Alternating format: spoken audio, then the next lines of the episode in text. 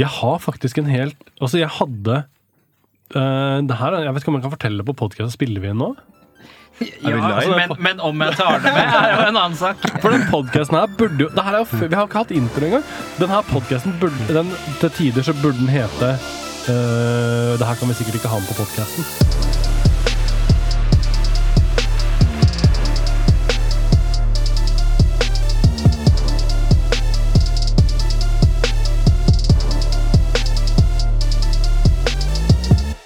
Alle på den.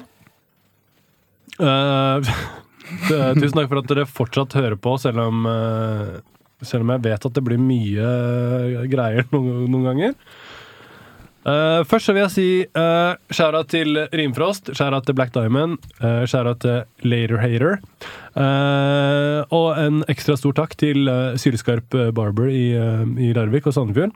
Eh, og jeg vil også poengtere at uh, det er ikke noe spons, det er bare jævlig flinke folk som mm, gjør en uh, bra jobb, og som uh, brenner for arbeidet sitt. Og det kan jeg relatere til, og det kan jeg føle veldig mye. Hvis du hører på det på Spotify, gå inn på YouTube også. Du kan se det på, på YouTube. Vi eh, eh, har uh, i sesong to Alle episodene ligger ute på, uh, på video også, ikke bare på audio. Og så er det en ting som heter Patrion, som du kan gå inn på, hvor du kan se uh, bonusmateriale til alle episodene. episoder som ikke har kommet ut. Ganske mange episoder som ikke har kommet ut, faktisk. En uh, lite knippe med sånn ekstra faenskap, da. Eh, og så vil jeg si uh, i dag har vi uh, besøk av en uh, Tønsberg-kunstner som har vært med på sykt mye morsomme prosjekter. Han er et gammelt medlem i Ville Ved, sant? Sant, ass. Damn, son. Uh, vi kommer til det. Uh, akkurat nå så er han uh, tidsaktuell med en utstilling som heter Gud eh, 2.0, som er sykt fet. Velkommen, Steinar Kaspari. Takk skal du ha. Hva skjer da? Nei, faen, det ja, Hva skjer ikke? Åssen er det å ha, hvordan er det å ha utstilling? Det er veldig gøy, ass. I Ja. hvert fall en sånn rar utstilling Ja. som folk ikke er forberedt på.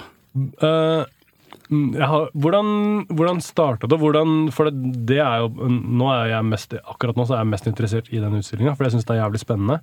Hvordan starta det Hvordan starta det prosjektet? Det prosjektet her star, Altså, jeg er jo jeg er jo innholdskunstner hos uh, Olav Medus også. Uh, og der uh, Han har mye rart. Ikke bare fett bilder. Men han hadde en bjørn. En sånn liten bjørnevalp, eller hva det heter. Ja. Minibjørn. Så, så sto vi og prata litt om alt mulig rart, egentlig. Og så spurte han meg faen, går det ikke an å gjøre noe gøy med den bjørnen der, liksom. Og så tenkte jeg med en gang at faen, det sammenfaller veldig da med en tanke jeg har hatt lenge, om et prosjekt jeg har hatt lyst til å gjøre. Så det var jo, jeg tok med meg den bjørnen og lagde det ja, det det blei av den, da. I studio, samme med en gang. Og det ble, det ble sykt fett. Var det sånn at den, når du gjorde det, så bare For noen ganger så gjør man sånn eh, kunstprosjekter hvor man føler sånn Nesten fra du begynner så bare OK, jeg vet det her kommer til å bli fett, liksom. Ja, det var litt sånn, eh, Samtidig så føles det jævlig gærent. Det føles som om du gjør noe ulovlig. ikke sant? Når du Ja. maler på en søt liten bjørn. ikke sant? Selv om den var død, og jeg følte at jeg liksom tråkka over noen grenser. Og det er det, det, jeg har gått og grubla på lenge, da, at jeg liker litt den derre å leke litt med menneskelige grenser. For vi er jo noen sjuke jævler, ikke sant? Ja, ja. Eh, å kunne prøve å finne liksom den rette måten å poengtere det og understreke eh, hvor eh, sprø vi kan være. Eh, så, så da gikk det ikke lang tid fra jeg begynte å male på den bjørnen til jeg innså at eh, faen, det her må jo se dagens lys. Det her er jo et jævla episk prosjekt. For, mm, for man kan jo si at det er uh, litt voldsomt, og at man liksom føler at man gjør noe litt ulovlig, som du sier, da, når du maler på en, uh, en bjørn, utstoppa bjørn. Men noen har jo skutt den bjørnen nå, da. Ja, Det er, er ikke noe pent, det heller, skjønner du. Nei, det er jo kanskje hakket verre, egentlig. Ja, ja. Jeg synes det. Men det er, jeg tenkte mer sånn på eh, de folka som driver med sånn og stopper stoppe dem ut, da. Sånn taksodermi, som jeg har lært at det heter. Som, for det er jo sånn, Jeg tipper at de har ganske mye stolthet i, i yrket sitt. Det jo Det, det ser dritvanskelig ut, og det, det er jo en, på en måte en slags kunstform, det også. ja, ja. Uh, selv om det er en, ja, jeg opplever det som et jævlig nasty Jeg har vært og besøkt en kar. Det er mye liksom. gris, da. Ja, ja, det er mye gris og mye lukter og mye, Ja, ja. mye rart, ass. Det er jo på en måte sånn type likhus da, som de driver og Ja, du veit. Men, ja. eh, men spennende, spennende greier, som Og så eh, Hva spurte du egentlig om? Altså, hvordan Sånn er jeg hele tida, Jo, men det er dritbra, for nå har det vært liksom Uh, uh, De siste podcastene nå, så har det vært jeg som bare babler noe jævlig. Og så er det til slutt gjesten som bare bryter inn for å bare svare på spørsmålet, og så uh, kommer vi videre. Men hvordan, hvordan, gikk, hvordan var den veien fra at du- du gjør én ting for Olav Medhus, og så er det sånn, ok, da er det bare rett på. La meg bare finne alle dyr i verden eh, og lage kunst på, liksom. Begynte, Var det bare rett på, liksom? Ja, det tok ikke så lang tid fra, fra den bjørnen. For jeg hadde, var jo aktuell med en utstilling på Tjuvholmen også samtidig. Eller jeg var en del av en utstilling. Eh, og så eh, tok jeg med meg den bjørnen eh, over en helg, over en lørdag og en søndag bare. Bare for å ja, liksom føle litt på responsen og sånt. Og så merka jeg det at det var jo jævlig mange som var interessert i den bjørnen. For at jeg opplevde at folk hadde ikke sett det før. Ja. Og jeg, det, er ikke, det er ikke gjort i noen særlig grad. Eh, og så forsvant den bjørnen, og så har det vært en del etterspørsel etterpå. Og, men da hadde jeg jo egentlig allerede starta prosjektet for fullt. Da. Så har jeg en samarbeidspartner som heter Kjartan Farnes. Som er sånn møbelguru. Og Ja, ja. driver en svær møbelsjappe. Sånn eh, møbelverksted og full pakke. Og han er sånn der sykt pådriver. Og sånn, hva heter det, gjennomfører masse Ja. ideer og sånn. Og så er det jeg da som driver og somler med mitt, og sammen så blir det veldig dynamisk og veldig effektivt. Ja, ja. Så vi har jo vært rundt, da. Hvor har du funnet alle de her dyra? For det her er jo Hvor mange dyr er det? Kanskje 20? Nei, nå har vi snart 60, tror jeg. God damn. Ja, Og alle, alle er ikke ferdige ennå, da. Nei, nei, Men nei. jeg kjørte rundt på en isbjørn i dag, da. I eh, For, hvor bilen. får man tak i isbjørn? Nei, må Nei. Hemmelig. Ja, altså Nei, det er ikke hemmelig. Det er jo det som er greia, er at det er ofte liksom dødsbo eller et eller annet, og så har folk, den generasjonen som har arva de dyra, etter oldefar eller bestefar som syntes det var dritstas å ha det på hylla, Um, de er ikke like interessert i det. Nei. Så de prøver å bli kvitt det. Men Ja, så er det, jeg tror det også er en liten terskel for å legge det ut på Finn og selge det der. Um, så vi har egentlig en sånn jungeltelegrafbasert eh, kommet over det meste. Ja.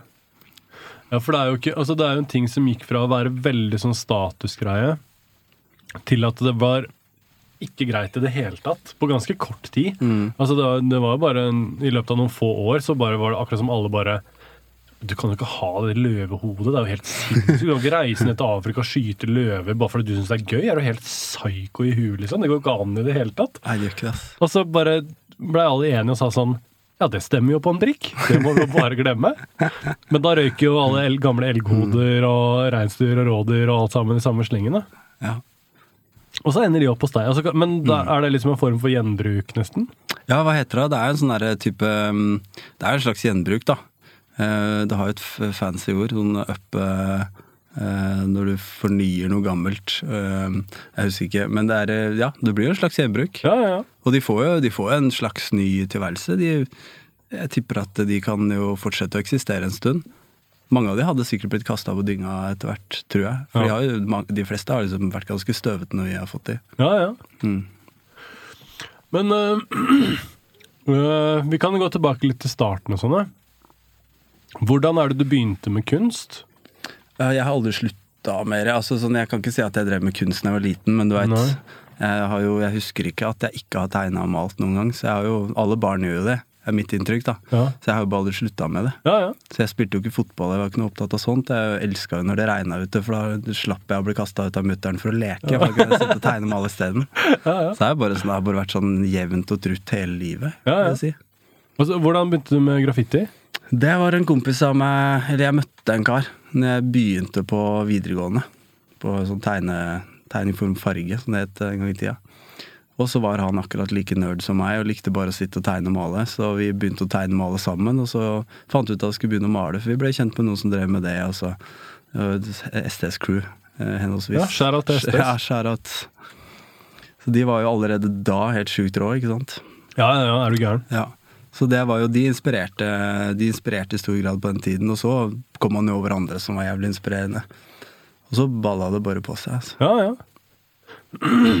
Også, men hvordan har du Når du kommer fra graffitibakgrunn, hvordan har du tatt det med deg inn i kunstverden? Føler du at du, du prøver å liksom stay true til graffiti eh, så langt det lar seg gjøre, liksom? Nei, egentlig For det er veldig sånn character-basert og sånn. Jeg føler at jeg hele tiden har eksistert sånn parallelt med graffitikulturen. Ja. opp igjennom. Jeg har ikke vært mest eh, aktiv. Jo, det var noen år jeg malte mye sammen med han kompisen min når vi var rundt omkring, men så har jeg aldri egentlig følt meg helt til stede i den, i den delen av kulturen heller. Eh, Så jeg gikk veldig fort over til å gi litt faen i hva som foregikk der, og så kjørte jeg mitt eget løp. Mm. Og jeg har heller aldri vært spesielt redd for å være kommers. Og det her var jo liksom på slutten av 90-tallet, helt til starten av 2000, hvor kommers var jo, det var jo det du ikke skulle være. Ja, det var dødsdom, det. Ja, det var for meg dødsdom. Så derfor så falt jeg nok kanskje litt på utsiden av det òg. jeg hadde litt andre ambisjoner. ass. Jeg tenkte allerede da at jeg hadde lyst til å leve av å male graffiti. Og jeg tenkte det også at det, det går ikke an å leve av å male graffiti når du ikke skal vise det fram til noen, eller ikke godta å få betalt for det. Ja. Og så har jo det vært den reisen det har vært de siste 20 årene. Samme som innenfor musikken også. Nå er jo alt lov, det er ikke noen regler, ingenting. Og du ser jo hva som skjer nå. ja, ja. Det er så mye sykt fett som kommer, og det samme gjelder jo i kunsten òg. Mm. Så jeg, ja, jeg, føler jeg har liksom koeksistert med kulturen, samtidig som jeg har liksom vært innom hele tiden. Jeg maler jo bare med spraybokser. Så jeg, jeg identifiserer meg som en graffitimaler, men ikke som en writer, kanskje. Nei. Så det er ikke sånn hvis du stikker ut og bomber en T-bane, gjør det en character da, da liksom? Sånn fire timers uh, lerretspis, liksom? Selvfølgelig hele tida. Altså. Jeg visste det. Har du ikke sett det? Ja, jeg ser det hele tida. Jeg ser det overalt. Men det er jo en ting som jeg har sett uh, har blitt sykt mye større nå, da. Er det er i hvert fall uh, veldig på vei opp i Skandinavia. At eh, man bruker graffiti-writere til å gjøre reklamejobber. I den grad hvor at man bytter ut å gjøre billboards, da. Du bare får en, eh, et, eh, et par graffiti-writere til å gjøre liksom en hel vegg. For jeg har noen, noen kompiser som har eh, hatt liksom sånn noen jobber for Netflix og for Mercedes så videre. Hvor de bare Ja, vi skal ha tre, tre vegger, en i Oslo, en i Bergen, en i Trondheim. De må opp den dagen, for da kommer den nye serien på Netflix, liksom. Vær så god, kjør, liksom. Ja, ja. Og det er jo effektfullt. da Jeg skjønner jævlig godt at Netflix gjør det. Ja, ja. Så er det sånn um, Jeg vet ikke hva det koster å, å lage en så stor reklameting, men det er sikkert ganske dyrt, det også. Ja, garantert. Pluss at da får de jo ja, ikke sant? De, Jeg veit jo hvem du mener, ikke sant? og de er jo superflinke. Og ja, jeg syns det ser bedre ut, altså. Og så får Helt du veggstrukturen, du trenger ikke det derre det der, hva heter, Altså dette greiene her Ja. som henger foran, ikke sant. Ja, ja, ja. Og det er jo en ting i, i seg sjøl. Da, da, da, da har du HMS-greier og sånn. Da må Roy komme og være HMS-ansvarlig. For hvis det begynner å blåse, så begynner det her å, å blafre. Og hvis det flyr av gårde, tar det med seg noen gamle kjerringer og en, et spedbarn og en pose med tomflasker, og hvem skal betale for det? Det blir Netflix. Ja, selvfølgelig. Så jeg kan jo skjønne at de gjør det. at at det er jo estetikken i det er jo noe helt annet. Ja, og så tror jeg det at det, for graffiti, eller hva skal jeg si, gatekunst og graffiti, hvis du liksom putter de i samme boks, da, så har jo eh, jeg, jeg har jo hørt mange ganger at det er blitt liksom den største retningen innenfor samtidskunst i hele verden nå. Så det har jo blitt så stort og så kommersielt som ingen noen gang skulle tro. Mm. Jeg skjønner jo at det er lett for Netflix og andre sånne type eh, aktører å velge å bruke det, når det finnes så mange bra folk rundt som gjør akkurat det Ja, ja. Du ser jo bare Hvis du ser på Banksy og sånn, da. Mm. Hvor sinnssyke priser det er på en del sånne Banksy-malerier. Det er jo helt crazy. Ja. Og det er jo og det er jo den mest liksom sell-out-delen av kulturen, kanskje. da. Jeg husker liksom når den eh, sjablong street art-greia kom. Mm. Eller når, når det ble stort, da. Så var det jo sånn at eh, ekte graffiti-writere de var ikke noe interessert i det greiene der, liksom.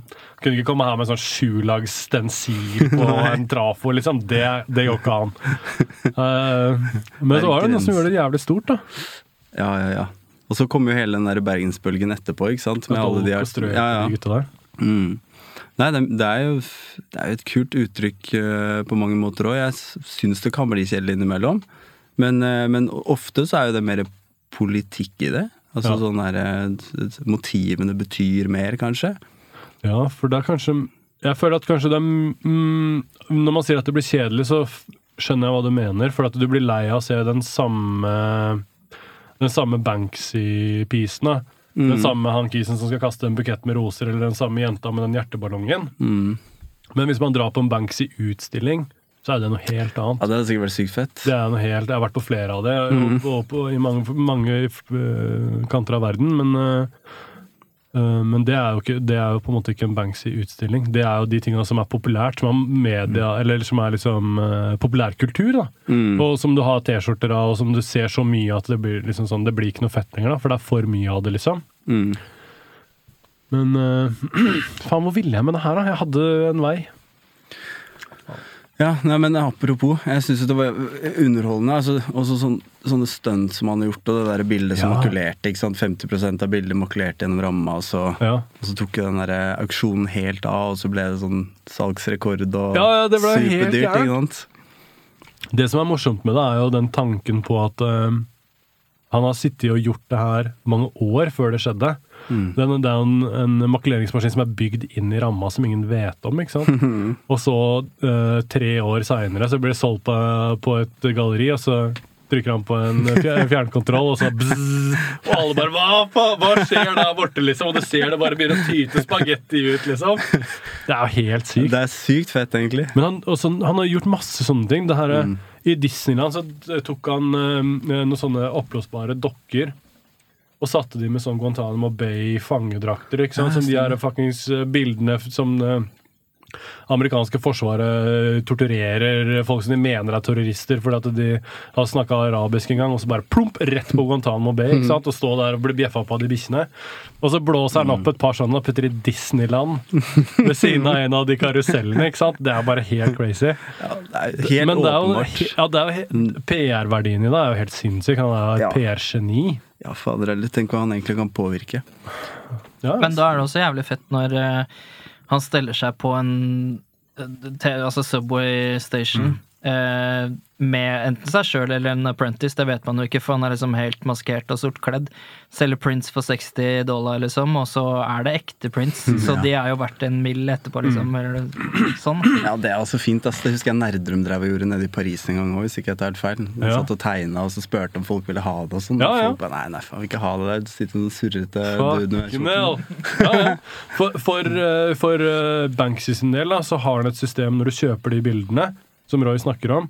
eh, Så knipser han et bilde av deg, så er det et serienummer på baksiden, så kan du verifisere det gjennom en nettside og sånn. Ja, Så det er et helt system, så du kan få de, du kan få de eh, sertifisert etterpå. Mm. Sånn at de faktisk er verdt en million og ikke 60 dollar, liksom. Mm.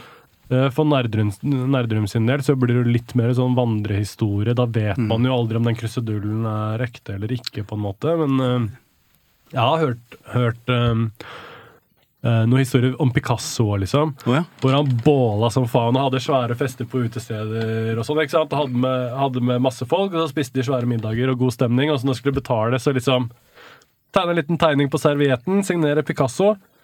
Skal jeg betale, eller, eller vil dere ha den servietten isteden? Dere kan velge, liksom. De tar servietten ti av ti ganger, ikke sant? Selvfølgelig. Original Picasso, én av én, signert uh, og hele smæla. Jeg hadde gjort sjæl, ass. Det er, ja, ja, ja, er du gæren? Jeg prøver meg. Det er ingen som vil ha det fra meg. Nei, ikke meg. Men det er jo noe med det, det er jo alltid eh, Når man er en sånn legende, da, så blir det ekstra spennende med sånn der historier, liksom. Mm. Nerdrum er jo ja, han har jo Det er ikke så mange i Norge som har så mye heftige historier som Nerdrum, liksom. Han har jo hvem andre blir busta for å ha et hvelv nede i Sveits fullt av gullbarer, eller hva faen det er for noe? Ingenting er taksert inn. Han har gjort en masse amerikanske malerier om maling er bare drit. Alt ramler ned fra veggene. ikke sant? Det er jo bare surr, det må han jo fikse på. Så er det noen som har betalt ham mange millioner for noe greier, og han nekter å si hva det er for noe. Plutselig må han i buret en liten beite der, liksom. Fyren er jo faen meg snart var 80 inne? år, liksom. Jeg fikk ikke, jeg husker ikke. Jeg, husker, jeg tror han røyk på en liten eh, smell der, altså. Jeg husker greia. Jeg husker det var mye oppstyr. Og så har jo fått de kidsa, da. De er jo helt umulig. Ja. Som da bestemmer seg for å være med på Farmen eller hva enn det er, og kjøre helt liksom De jobber hardt for å være karakterer, da, for å si det pent. Ja, jeg syns, jeg, men jeg syns han, er- jeg synes han Øde er ganske flink til å være karakter. Jeg syns, jeg synes han er som en sånn der, Litt sånn Asbjørnsen og Moe-figur. Ja. På en måte. Jeg har bare ett problem. Jeg, har, jeg vet ingenting om han, og har ikke sett på noe av det som han har vært med på. Jeg har bare hørt et sånn type eh, reels eller TikTok-klipp hvor han snakker om hvorfor ikke homofile burde få lov til å gifte seg i kirken. Oh, ja. Det er noen sånn eh, For min del, fuck hele fyren, altså. Det er, det er hva jeg mener om han. Ja, nei, jeg har Eh, ikke fått med meg akkurat den. Nei, og, jeg, det, og det er alt jeg baserer det på. Mm. Men jeg har fått med meg at det er uh, typete folk. Altså Det er om å gjøre å kjøre liksom sånn hvit kjortel og Shakespeare står på bordet og kjører Shakespeare, liksom. Og det er jo spennende. Det er jo morsomt. Underholdende, liksom. Ja, men lever ikke de en sånn derre bak noe De er vel ganske isolert i sin egen De boble der nede, tror jeg. Ja, det er klart det er det. Mm. De eh, Altså, det er jo sånn ehm, de, har, de har jo en gård, ikke sant, der nede på utsida av Stavern. Og da vet, altså, Sånn som samfunnet er nå, så tror jeg det hadde, hadde nok vært mye metoo der ute. Eh, det er sånn der historie hvor liksom eh, noen skal male Han sitter i en robåt, da, så skal noen male den. ikke sant? Så bare ja, vent, Jeg må ta en runkepause, liksom. Det er helt sånn det er helt sånn fantasiverden, ikke sant? Hvor at eh, alle, alle damene er nakne, for de skal males, ikke sant? Og det er jo eh, Kanskje sånn harem-tendenser. Jeg vet da faen, men det er mye som er inte bra. Inte bra. Men uh, eh, samtidig så det, Nå snakker jeg om jævlig mye greier som jeg ikke har noe belegg for og ikke noe peiling på, som vanlig. Er ikke det ganske deilig? M uh, jo jo, men bortsett fra at eh, når, når det blir foreviget for alltid, så kan jo folk sjekke opp det her. ikke sant? Og halvparten av det jeg sier er jo bare surr, og da blir det vrient. Ja, men det er bare å si at dette er ikke fakta, dette er fiction. Vi eh, Dette står ikke for noe av det. Dette er fiction. Jeg står ikke for noen ting. Eh, men det han har gjort, uh, Nerdrum, er jo I tillegg til å, å ha en eh, kunstkatalog som er ganske heftig, så har han produsert en del lærlinger som har ganske imponerende kataloger. kataloger. Og da, det, jeg liker det enda bedre når man liksom er der hvor at du kan føre liksom videre en hel generasjon med nye kunstnere, da, som er nesten bare sånn direkte avkom fra Mm. deg, liksom. Det er dritfett. Det er som hvis du hadde hatt graffitiskole, da. Mm.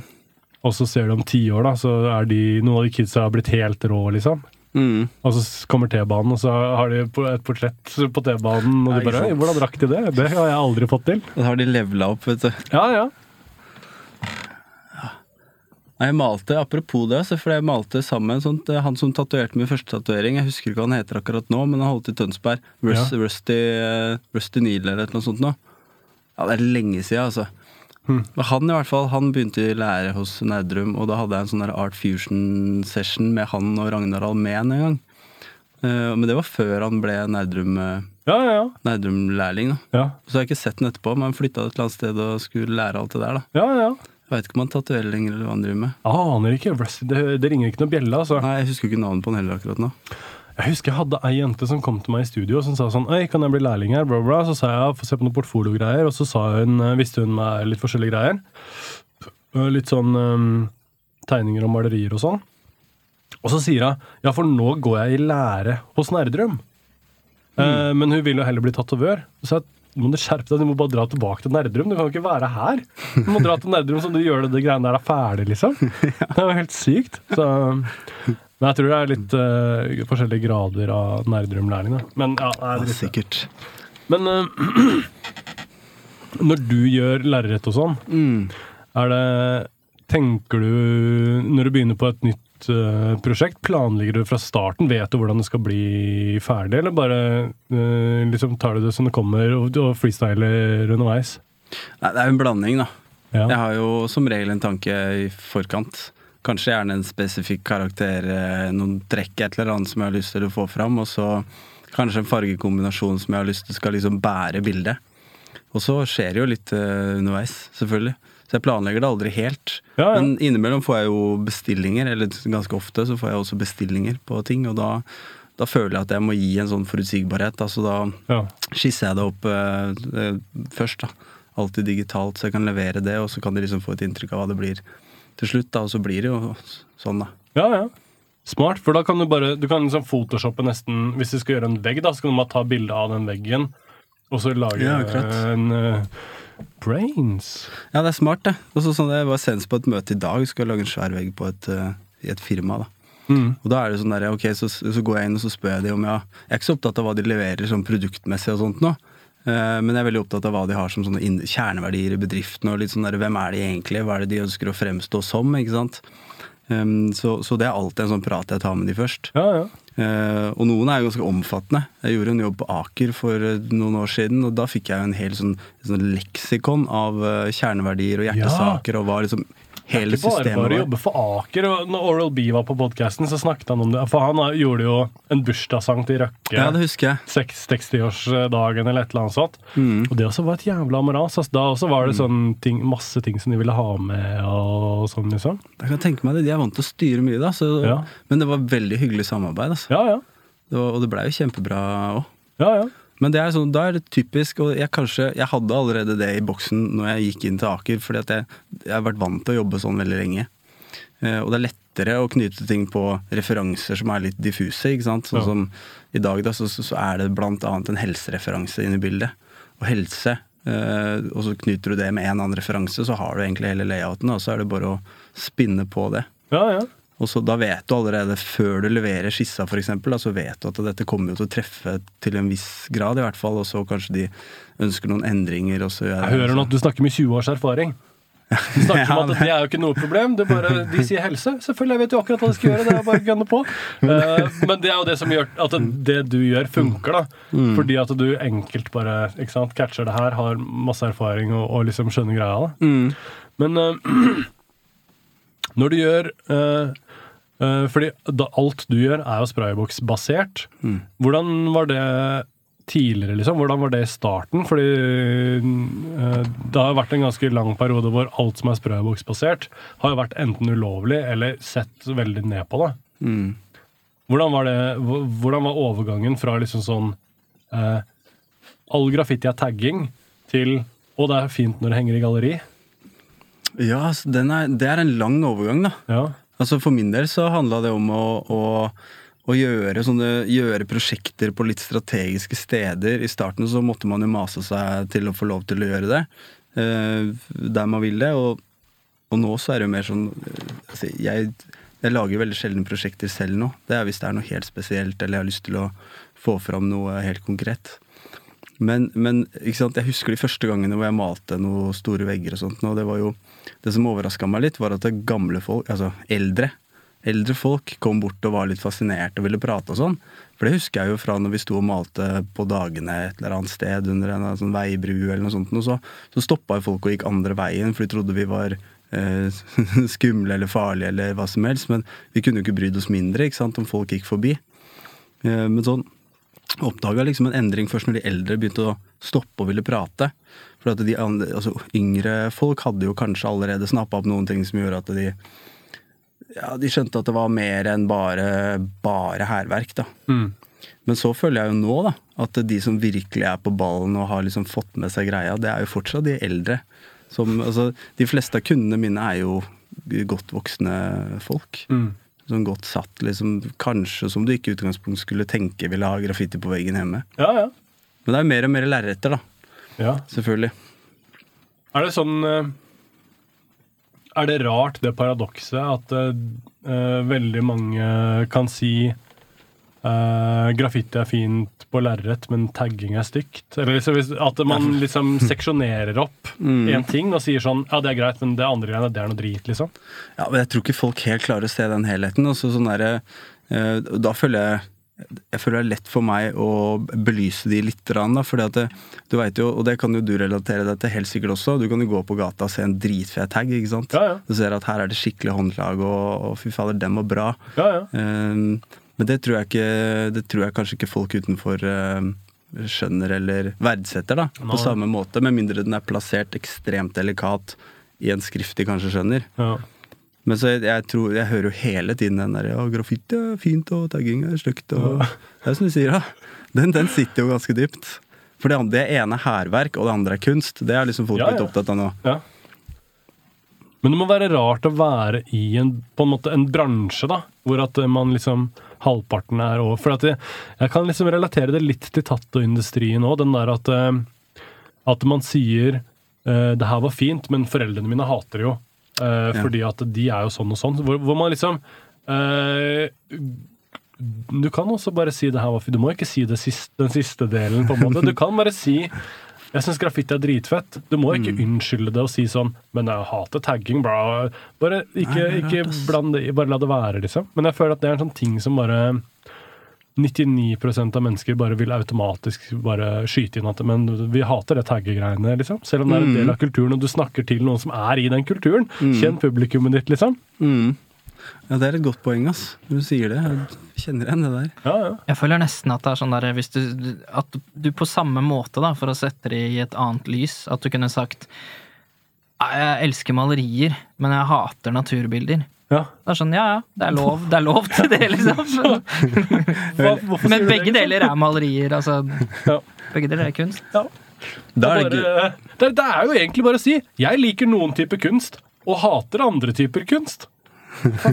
Ja, bare si hva du liker. Drit i det du ikke liker. Takken, ja. Men da er det ofte gøy å også spørre liksom sånn her, ja, men eh, Jeg syns det er interessant at du sier at du hater eh, naturmalerier, da. Hvorfor det? Liksom sånn, Ja. Hva er det som gjør at du hater det? Og så kanskje det er fordi at mange syns det er litt sånn kjedelig, eller det blir sånn blatt og dølt og man har sett det en million ganger. Ikke vet jeg, men jeg, synes jeg, jeg liker veldig godt å utfordre folk lite grann, sånn som på den utstillingen jeg har nå også. Så er det sånn, De fleste kommer inn og syns det er veldig fascinerende og, og gøy, for de har ikke sett det før. Og så er det noen som kommer inn og gråter for de blir så eh, de blir så jævlig rørt eller litt sinte eller hva som helst da, Ja, ja. av uttrykket. Og det er jo de beste folka, for Ja. de kan jeg jo snakke med og bare si ja, men så fint at du føler det, liksom. Hva er det som egentlig Hva er det som skjer inni deg nå? Og så får jeg en forklaring, og så er den kanskje matcher den kanskje ikke helt med min, med min visjon om hva jeg har lyst til å formidle. Og da får man en god prat, og så, eh, og så, og så, og så sitter man jo igjen med litt mer. Altså Både de som har vært i og tatt den praten, og meg sjøl, egentlig. For du blir jo på en måte Man hører ganske ofte sånn herre ja, 'Å, du er kjempeflink, og det her ble sykt bra', og altså den, den rosen Jeg vet ikke man, altså, det, man må jo verdsette det, Mm. men til slutt så blir det sånn at det, det betyr nesten mer å få en eller annen sånn kritisk stemme mot seg, da, for det er også en Det er også det kan, Kanskje på mange måter vel så verdifullt, da. Mm.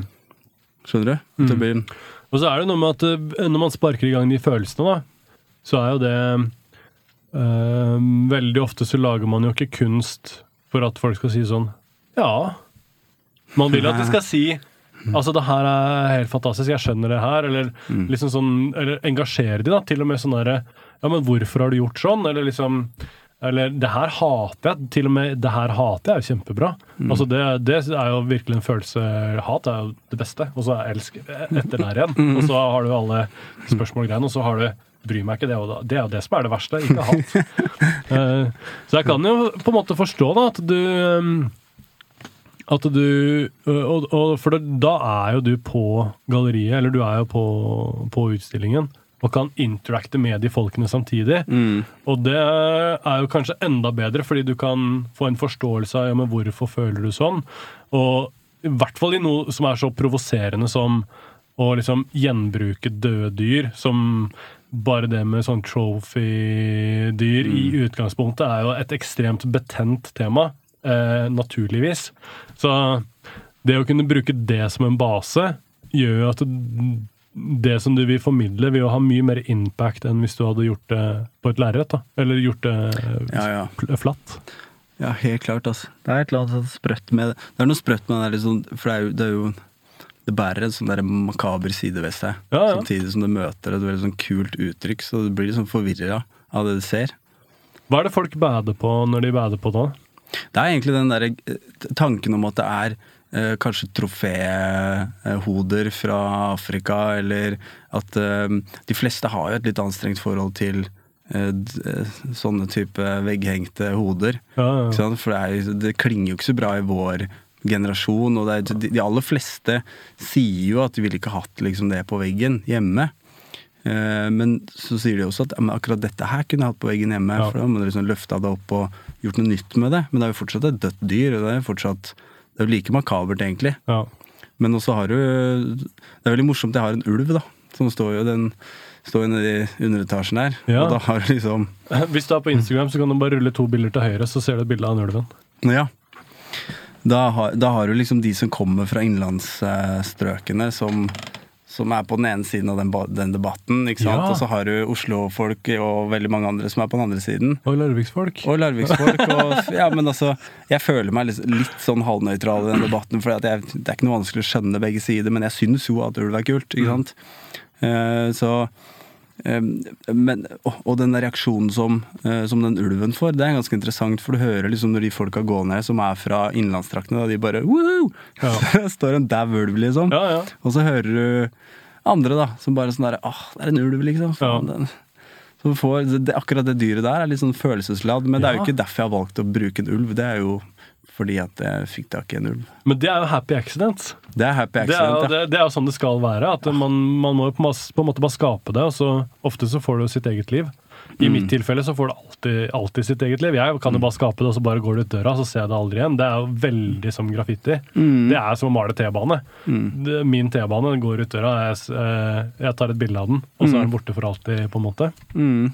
Men eh, det er jo noe eget med en sånn Altså, ulv er jo et jævlig betent tema, fordi det er så um, veldig polarisert. Det er liksom sånn Enten så er du helt for at man skal drepe jævlig mye ulv, eller så er du helt imot. Det, er liksom sånn, det, det er sånn man føler at man må velge. Du kan ikke bare si sånn Jeg vet ikke helt. Jeg kan, jeg kan forstå det. Du må liksom bare si sånn Ja, hater all ulven. Alt må bort.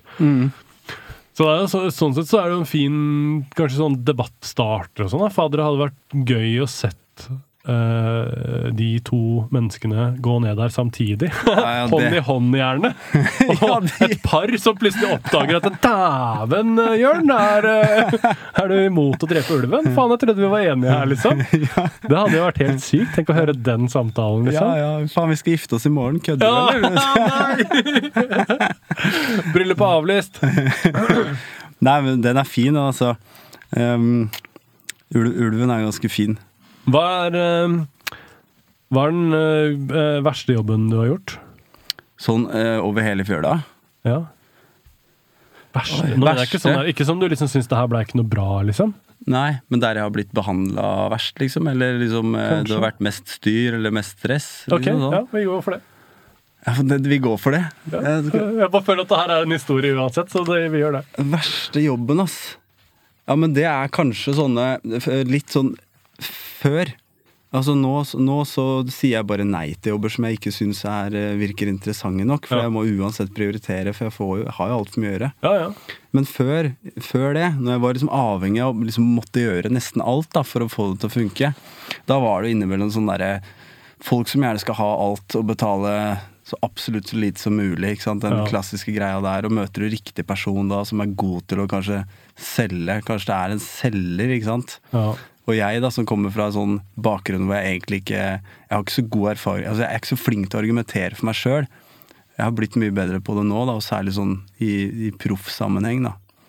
Men uh, da har jeg gått på noen smeller, ass. Hvor jeg Ja. har stått og jobba ræva av meg for en slikk og ingenting. Og det For, føles jo for noen bilder på Instagram Ja, ikke sant, maks. Og ofte så blir jo ikke de prosjektene så veldig bra heller. For, Nei, jeg nei, for det er ikke noe love i det, liksom. Nei, ikke sant. Det er akkurat det.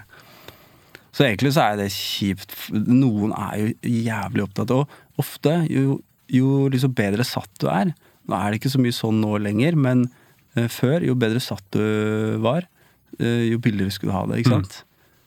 Og det er jo sånn, Helt sånn merkelig, artig men det er jo greie. sånn de har fått alle de pengene, på å være jævlig gjerrig. Mm. Men ja, det er eh, rart.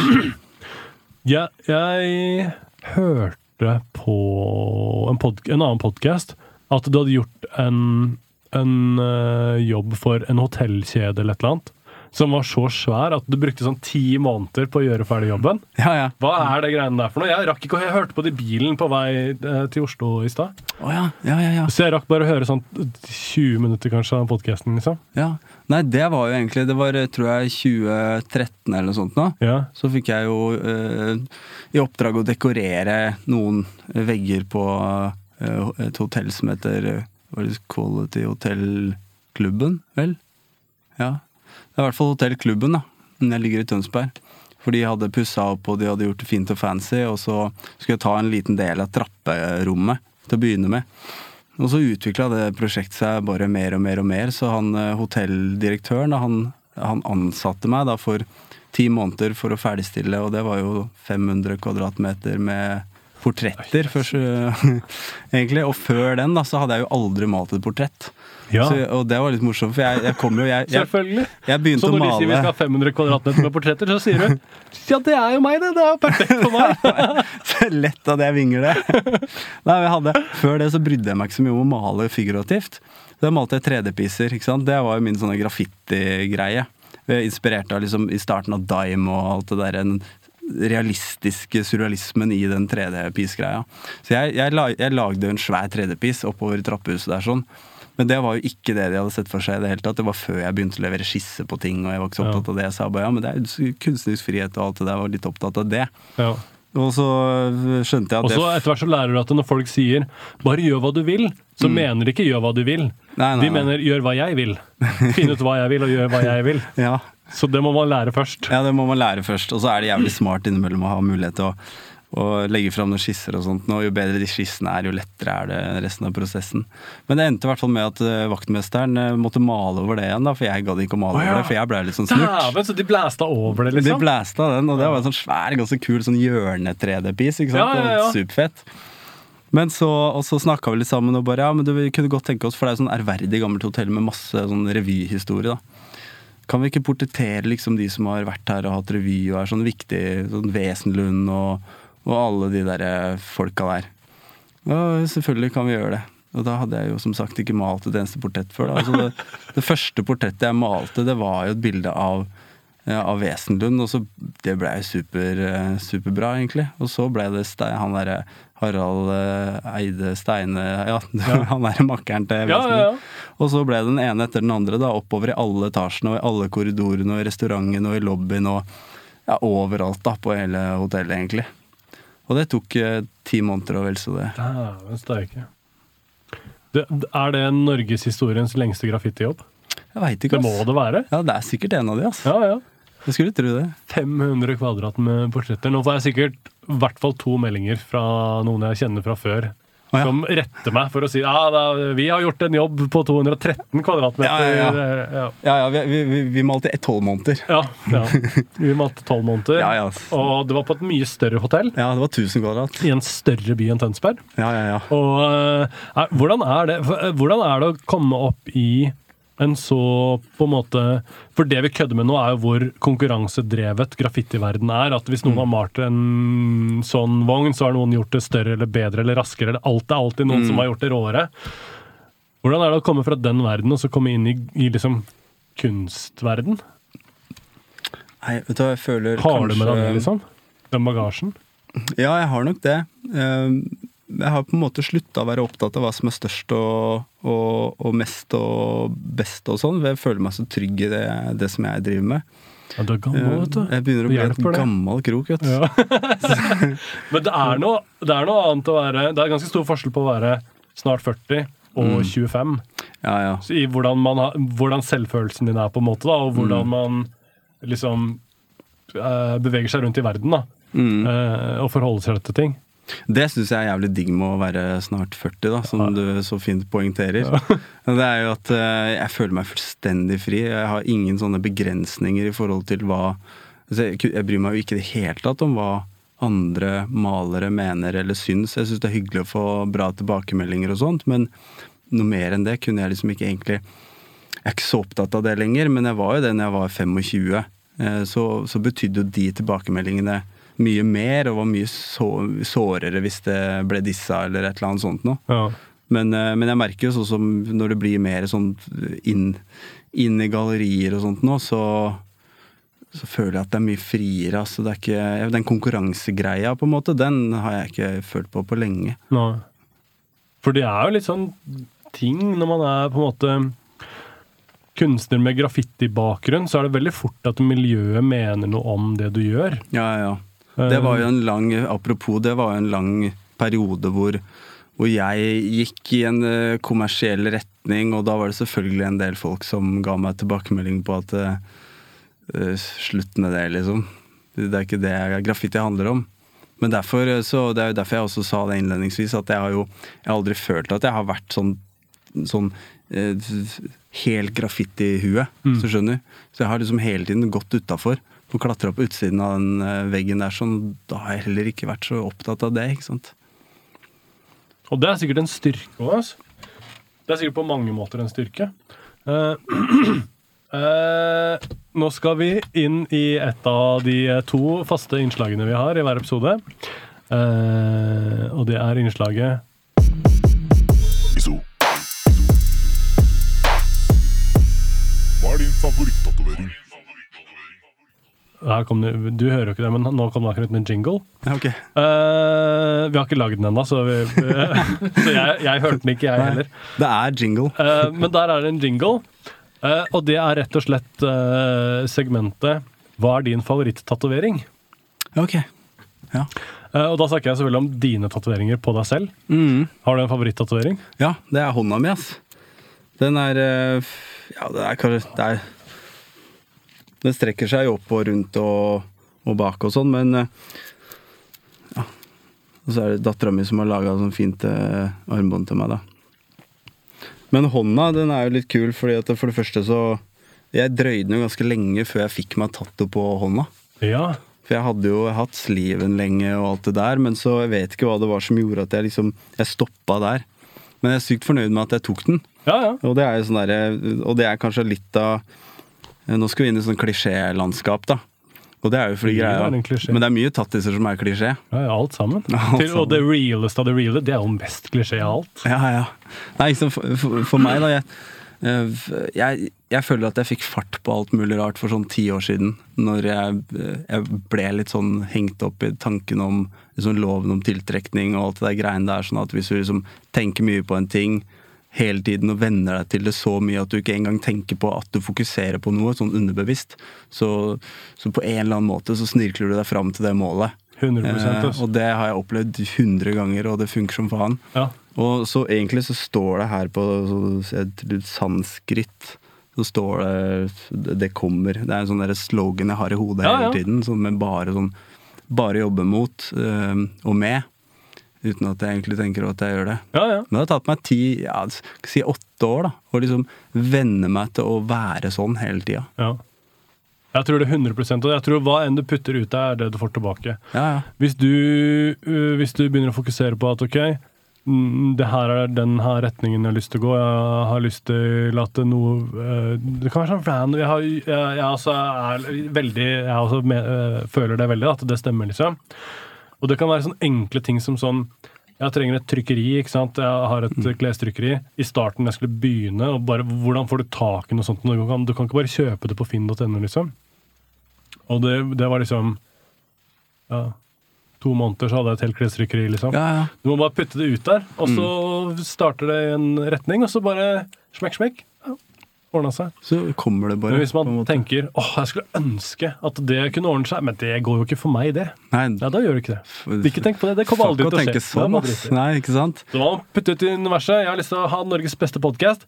Dysj! Ja. Og hva kommer tilbake? Faen meg Norges beste podkast! Ja, og du må jo nesten enda være Du må være enda mer konkret enn det. Bare sånn derre Jeg skal ha, eller jeg kommer til å ha Norges beste podkast, Ja. Ja, ja, ja. Og jeg er sånn derre Jeg har jo så mange konkrete eksempler på det. Før jeg gjorde den jobben på Aker, eksempel, så sa jeg til kona mi, kanskje sånn to år før det, så sa jeg sånn der Jeg kommer til å male for Kjell Inge Røkke. Ja, Det kommer til å skje, liksom. Så fett! Og så gjorde jeg det, og så fikk jeg en sånn gedigen jobb på sånn bilsjappe. Sånn ny fancy bilsjappe.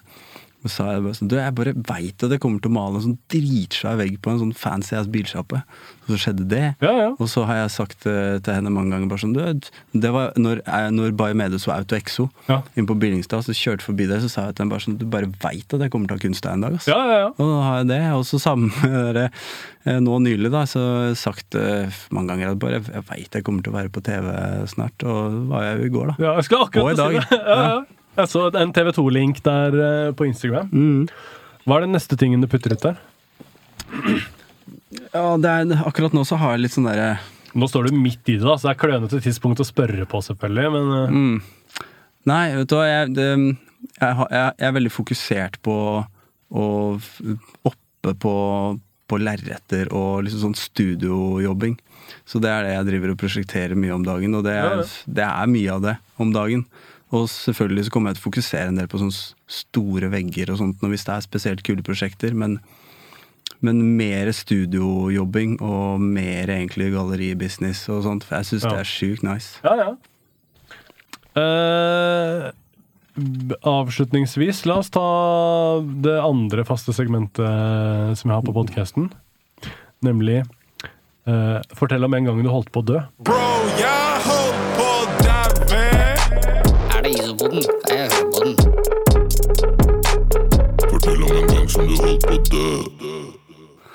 Det er gøy. Den, ja, ja, ja, faen. Jeg har, jeg har eh, Det er sånn For et par år siden så hadde jeg mm, Da lå jeg på sofaen hjemme. Det er jo veldig lite dramatisk, og det er ikke noe morsomt engang, men det var, jeg lå på sofaen hjemme, og så sa, sa Alle sier det før det er dramatisk og morsom historie. Nei, men sånn derre Kona mi prøver, prøver ofte å få meg til å ville se en TV-serie. Jeg klarer jo ikke det, for det snurrer altfor mye opp i hodet hele tiden. Så jeg sitter jo alltid sånn på siden og jobber bestandig. Um, og satt sånn i sofaen eh, de få gangene jeg sitter i sofaen. Satt der, og så plutselig hørte jeg det smalt inni hodet. Sånn skikkelig sånn! Eh, Og så kjente jeg at blodtrykket bare sånn deisa i bakken, og pulsen begynte å race, og jeg begynte å se rart og sånt noe. Så fortalte jeg, sa jeg det til kona mi, bare sånn faen, det skjedde noe merkelig, liksom. Så kjentes det ut som at eh, alt eskalerte, da. Wow. ja. Ja, og da mm, fortalte jeg henne at faen, nå husker, håper jeg du husker hvordan du driver med gjenopplivning, for nå dauer jeg, liksom. Er- jeg kødder ikke, nå dør jeg. Sånn helt ut av det blå. Og hun ble dritstressa og ringte ambulansen og i det hele tatt. Jeg klarte ikke å røre noen ting. Og, Og så ble jeg henta med ambulansen. Jeg husker jo ikke mye av det. Jeg husker liksom at jeg sa det, at nå må du drive med gjenoppliving, liksom. Men så ble jeg henta ambulansen. Jeg, jeg døde jo ikke eller noe, selvfølgelig. Men, ja, det er eh, ikke selvfølgelig det. Men... Nei, men det, det, For de trodde jo at jeg hadde fått hjerneblødning. Ja, ja, Sånn akutt hjerneblødning. Ja, ja. For det er visst sånn typisk sånn smell i hodet og sånn. da og så, ja, så var jeg på sjukehuset litt, og så fant jeg ut at jeg, mest sannsynlig så har jeg bare liksom møtt en eller annen vegg fordi jeg jobba så jævlig hardt. Eller liksom hele tiden driver på, da. Og så var det jo sånn fram til for eh, fire, fire år siden eller noe sånt, så før jeg begynte å bare leve av male graffiti, så jobba jeg som sykepleier òg, på intensiv. Ja. Og da jobba jeg tredel turnus, og så hadde jeg kanskje 70% jobb med graffiti ved siden av, så jeg drev hele tiden og balla rundt med hvordan, hvordan og når og åssen skal jeg få til det, åssen skal jeg få til det, og da skal jeg dit, og da skal jeg dit, og så skal jeg klare den turnusen samtidig. Så jeg hadde en jævlig stressperiode. Ja. Og så tror jeg det var bare vi møtte en eller annen sånn Er ikke det sykt hvordan det liksom Det fysiske Det er så jævlig mye av det som er psykisk. Mm. Så det liksom Faen, du kan, du kan daue av det, vet du. Ja, kan jo det, da. Faen, jeg leste om meg en røyskatt som var på gymmen, tok pushups, og var akkurat der som du var da. Hun var bare én sånn Hun var én pushups ifra at det var for mye. Og var midt i. Kjør, kjør, kjør. Pushups, pushups. Eh, natta. Slutta å puste. Eh, hjertet stoppa. Ja, De måtte gjenopplive. Årsaken utbrent. Sliten av å jobbe. Å, fy faen, det er Nei, det ass. er, eh, det er ikke bra Det er ikke bra i det hele tatt. Nei, det er ikke Så det, er ikke det, det kan faen meg stoppe av helt, altså, av de greiene der. Ja, ja, ja. Jeg, jeg trodde liksom at jeg hadde fått noen hjerteproblemer eller sånn. Forfatteren har, har jo hatt litt av det. Ja. Jeg tenkte på faen, nei, det var litt tidlig, eller? Skal jeg liksom daue før, før jeg blir 40 år? det er downer, altså. Det er, ja, det er et helvete. Det kan du høre mer om i Lars Berrum-podkasten. Jeg forteller om han ene kompisen min som fikk hjerteflimmer når vi var på MC-tur i Sverige for, for noen måneder siden. Ja. Uh, så det var kaos, men uh, uh, ja, jeg, vet, jeg, jeg spurte aldri om jeg fikk lov til å fortelle den historien før podkasten. Jeg vet ikke om det kanskje var feil. men det var noe, var noe uh, enn hva, det, hva det var. Um, la meg spørre deg om to spørsmål eh, for å runde av. Eh, hva er det gærneste som har skjedd når du har vært ute og malt ulovlig graffiti? Åh, shit. um... Det er ikke lov å si bæsjehistorie. ikke lov å si bæsjehistorie? Nei. Ok, men da har jeg ingenting, altså. Nei, jeg har en. Jeg har en. Det, um, det var nesten bæsjehistorie, da. Ja, selvfølgelig. Men, um, men det var når jeg sto og malte Det var mens jeg drev og malte ulovlig. Og da husker jeg at vi sto, vi sto under en bru, liksom, og malte, og så um, um, Jeg og en kompis, og så plutselig så kommer det en sånn der, en, en canine inn fra hver side under den brua. Uh, og da Da holdt jeg på å daue da òg, faktisk. For Ja. at, eh, fy faen for noen jævla skumle bikkjer som sto sånn der og glefsa og liksom pressa seg opp i veggen, og vi hadde ikke kjangs til å løpe derfra og sånt noe. Så det, det husker jeg var en sånn ordentlig adrenalinkick, da. Og så kom, jo, kom det noen gubber løpende fra hver sin side og skulle være litt ekstra hardhendte, og du veit åssen det er, ikke sant. Så det, det jeg har hatt noen sånne. Det er, var, den tida der, det var sånn at de der eh, Var det Prosec-dighet og sånn? Det var- ja, det var noe sånt. Faen, det var, hvis de hadde fått lov til å ha gønner, de hadde skutt folk, vet du. Ja, det Faen, tror jeg. bare- Jeg de med en gang. De var helt streng gærne.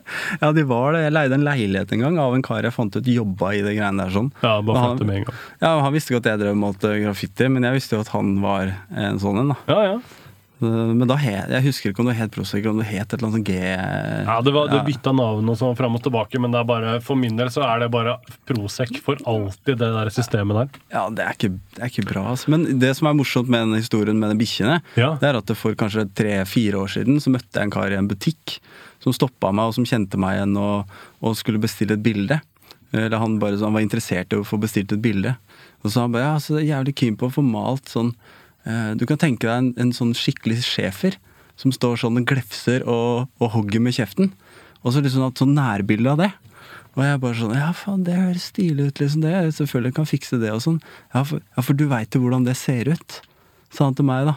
Så visste jeg at det var han, det var han politimannen som hadde tatt meg da. ikke sant? Joka han med det, eller ville han faktisk ha det bestilt? Nei, han joka med Ja, det. han det. Han syntes det var skikkelig morsomt. Han lo Ja, ja. altså. Jævla kølle, altså. Det vekterselskapet selskapet het Vektrokon, I hvert fall det som var i Oslo og banka opp kidsa. Liksom. Ja. Mm. ja, det var ikke bra. Det var, det var gærent. Ja, det er eh, Ja.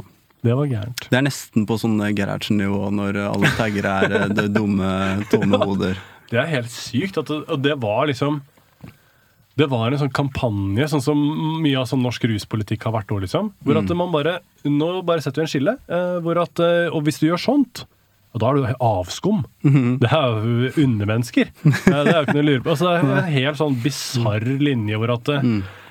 Skjønner du egentlig at du snakker om at folk tegner? Forstår du hva du sier, liksom? Ja, ja. Det er noen som putter farge på en vegg, en vegg som allerede har farge, men de putter på en annen farge! Mm. Få putta de i buret for alltid. Ja, liksom bare ta verdigheten og verdien av de, liksom. Og og, så ja, og liksom få det på glattcelle, og, og liksom Mm. de situasjonene som oppstår i det, og få det, det stigmaet for alltid og sånn. Fordi at du putta en farge på en ting som hadde egentlig en annen farge. Jævlig dårlig gjort å putte farge på en annen ting som hadde farge. Altså, Jeg synes det er Uh Nei. Det er noe av det sjukeste du kan gjøre, faktisk. Det er faktisk noe av det sjukeste du kan gjøre. Uh, jeg tror vi må runde av. Ja, faktisk. Da runder vi av, da. Det var hyggelig at du ville være med på podkasten vår. Eh, og så vil jeg si vi, hvis, øh, Klipp vekk denne kremtinga. Ja.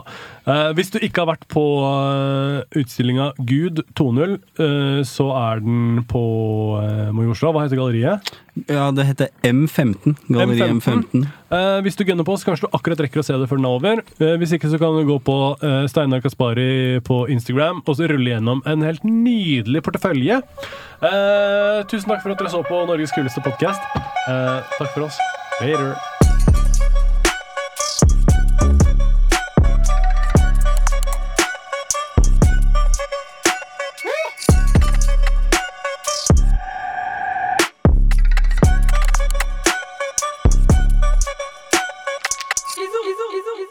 Nice.